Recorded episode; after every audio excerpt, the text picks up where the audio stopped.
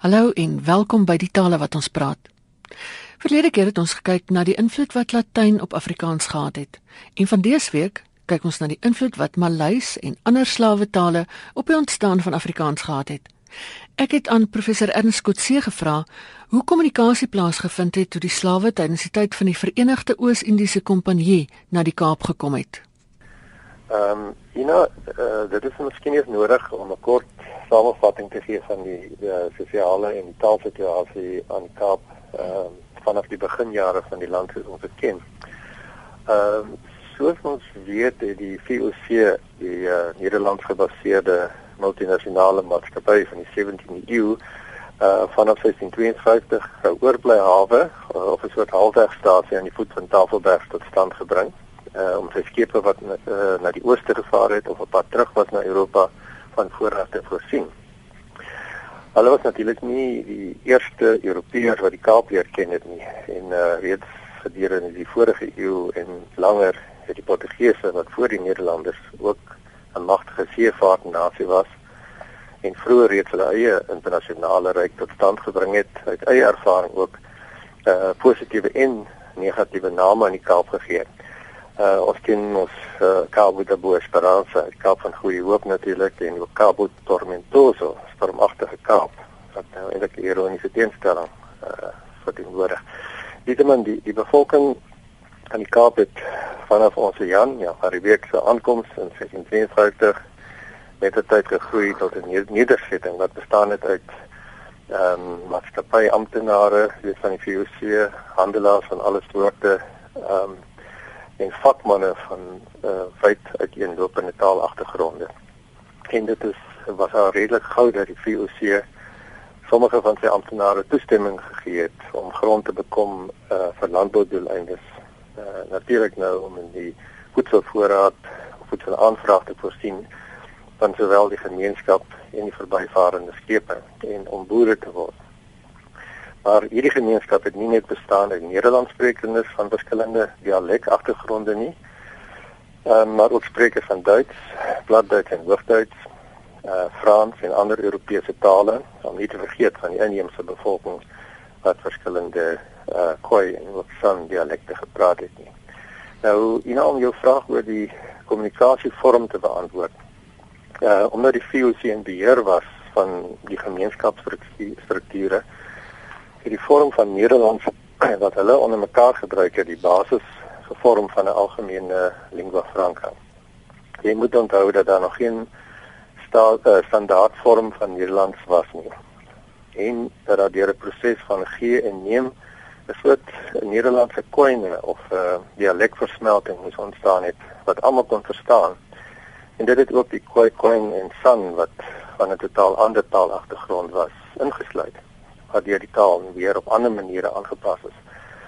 In so 'n situasie ehm uh, sou dus kon aanleiding gee tot 'n vereenvoudiging van die ondermatige kenmerke in die Nederlands wat in Europa gepraat is en ook die grondslag van 'n vroeë Kaapse Afrikaans kon gelê het. Jy het gevra ook eh, was dit dan 'n omvattende vraag na die handelsbande met Suidoos-Asië en slawe. Ons kan nou nog 'n bietjie meer oor die slawe gesels, maar ehm um, hoe het hulle daar hoe dit ontstaan? Daar daar was 'n behoefte aan handearbeid natuurlik om die grond te bewerk en veeteelt te behoefte beoefen. En omdat die uh, inheemse Khoikhoi en die San meestal selfstandig en soms ook opstandig was om hulle arbeid beskikbaar te stel, is uh, toestemming verleen om toenemende getalle slawe in te voer. Reeds vroeg, ek dink in 1658 was daar al iets uh, 170 180 slawe geweest. Nou, waarvandaan het die slawe gekom en watter taal het hulle gepraat? Ehm um, ek gaan dit vir jou gaan altyd vra probeer beantwoord. Ehm um, waar hulle vandaan kom, die die VOC het, het nie die uh, die slawe nie net in Suidoos-Asië gekry nie. Hulle is gebring uit ander gekoloniseerde areas in Afrika soos Angola, uh, Guinea aan die Weskus, Madagaskar en Mosambiek en ook uit area areas in Suidoos-Asië wat deur die Portugese en Nederlanders gekoloniseer is en waar hulle handelsposte gehad het. Soos Bengale, jy weet hier is daar Bangladesh, Ceylon, hier is daar natuurlik Sri Lanka, Indië, Maleisië en Indonesiese argipel met sy duisende eilande soos uh, Sumatra, Celebes, Java, Ambon, Bali, Timor en ander. Totaal van omtrent 63000 slawe tussen 1652 en 1805 of 1838 eintlik.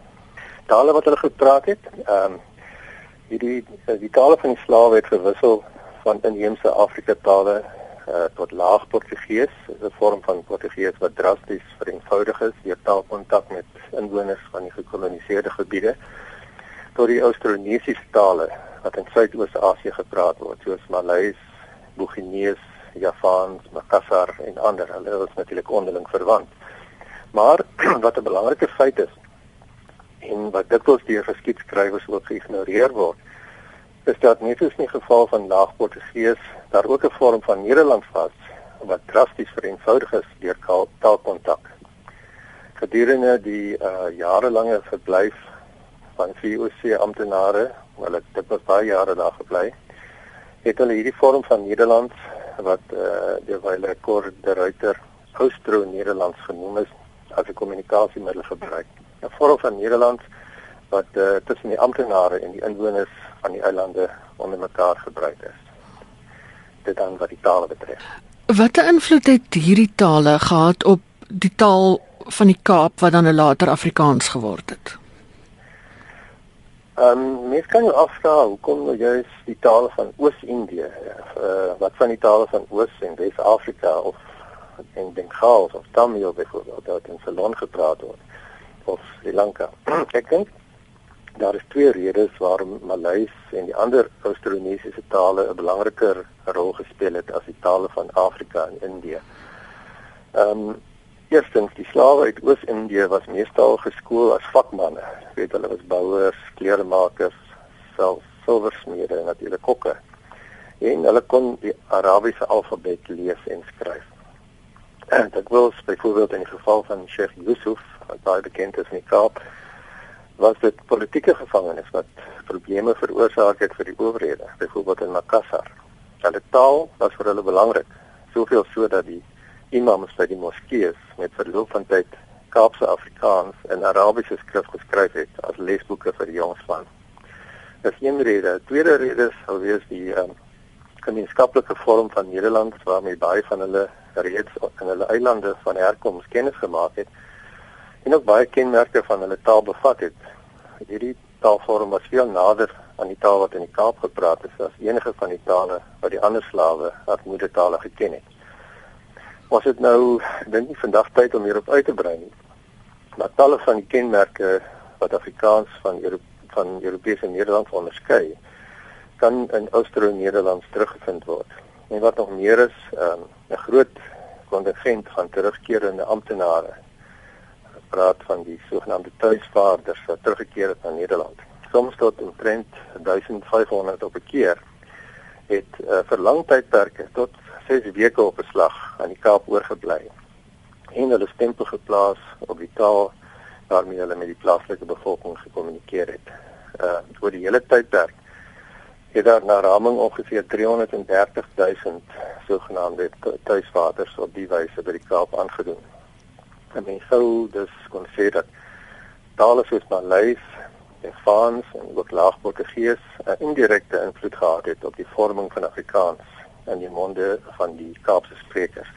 Iets waaroor ons natuurlik nog baie dag gesels. Dit is ook redelik bekend dat die eerste boeke wat in Afrikaans aan die Kaap gedruk is in Arabiese letters geskryf is. Dis reg. Ja. Nou waar die vir die vraag is natuurlik die waar waar vandaan nou die Arabies? Ja. ja. Ehm um, uh, ek het net gesê dat hulle ook Arabies kon lees. Ehm um, die Arabies wat hulle kon lees was eintlik ehm um, ja ja wie wat in uh wat die Maleise geskrewe of die geskrewe vorm van Maleise en in Arabiese skrif geskryf is en natuurlik die verband met met Islam is baie uh is 'n sterk oorsaak rede daarvoor. Nou die slawe se kennis se kennis van Arabies was hoofsaaklik daarop gemik om die Koran in die oorspronklike taal te lees. Baie soos Latyn as belangrike taal in die Romeinse kerk wêreldwyd gebruik is. En daar word vandag nog 'n groot komponent Arabiese woordeskat in die Afrikaans van Kaapse moslems gebruik. Uh soos in geval van die, van die Oos-Indiese taal het Arabies ook 'n indirekte invloed op die ontwikkeling van Afrikaans gehad, soos jy gesê het. Eerstens deurdat 'n skryfstelsel vir Kaapse Afrikaans in die Arabiese alfabet ontwerp is, meer as 'n eeu voordat die spelling van Afrikaans vasgelê en 'n standaardvorm vir die taal ontstaan het. Dat hierdie vorm van Afrikaans, uh, sogenaamd Arabiese Afrikaans, met die tyd geromaniseer is, dit dus in die Romeinse alfabet geskryf is, is daar ook 'n formele woordeskat vir religieuse gebruik vasgelê wat in verskeie opsigte van die Nederlandse ekwivalente verskil het. Hoewel dit nie op die totale Afrikaanse taalgemeenskap betrekking het nie, het Arabies egter vandag nog via die rol van die taal in Islam en die besoeke van duisende pelgrims gedurende die jaarlikse Hajj of pelgrims tog na Mekka 'n direkte invloed op die leefwêreld van 'n belangrike komponent van die Afrikaanse gemeenskap.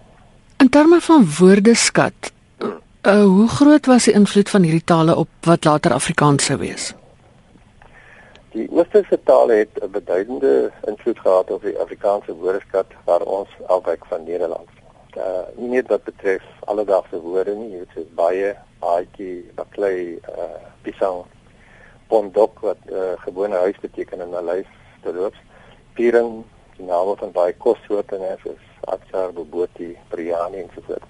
Maar ook uh, honderde leenvertalings uit die taal en ander woorde waar die woorde uh, element vir element oor uh, weet vertaal is uit uit die taal en op die wyse verskil van Nederlands. Dan ou kollega van my het voor sy dood begin om 'n stuk of 860 sulke woorde in Afrikaans te identifiseer en op te teken. Wat uh, weer eens toon dat tale mekaar op 'n indirekte wyse veel meer omvattend kan beïnvloed as wat op die oog af bly. Aan die ander kant, uh, en dit is miskien ook interessant, mense merk dit op, uh, het tale soos Indonesies ook talle Nederlandse leenwoorde oorgeneem wat ons baie bekend voorkom terwyl dit anders gestel is as as in die besoek bring aan daai lande woorde soos polisie L I S I byvoorbeeld oranje met 'n eie gestel kalkoen appel bier wortel hier natuurlik mantel nebel en E B E bioskoop en o en so voort en, en laaste vind ons uh, ook in die liederskap van die Kaapse moslems nog ja wat Malaysiese woorde en, en uitdrukkings soos minta maaf wat beteken vra ekskuus Guma uh naam van die liedjie en so voort en so voort.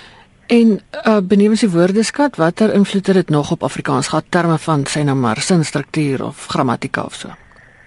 Ehm um, ja, net 'n enkele opmerking of twee hieroor. Ek dink veral wat die as ons nou kyk na die uitspraak uh, van veral Kaapse Afrikaans, so dit betref vind ons nog dat um, Afrikaans is ch en j in woorde wat die sprekers van ander dele van die land miskien anders uitgespreek word uh, interessante verbande het met uh, nie net die oosterse tale nie, maar ook Nederlands. 'n interessante uh, feit dat die mense nie altyd uh, agneem nie.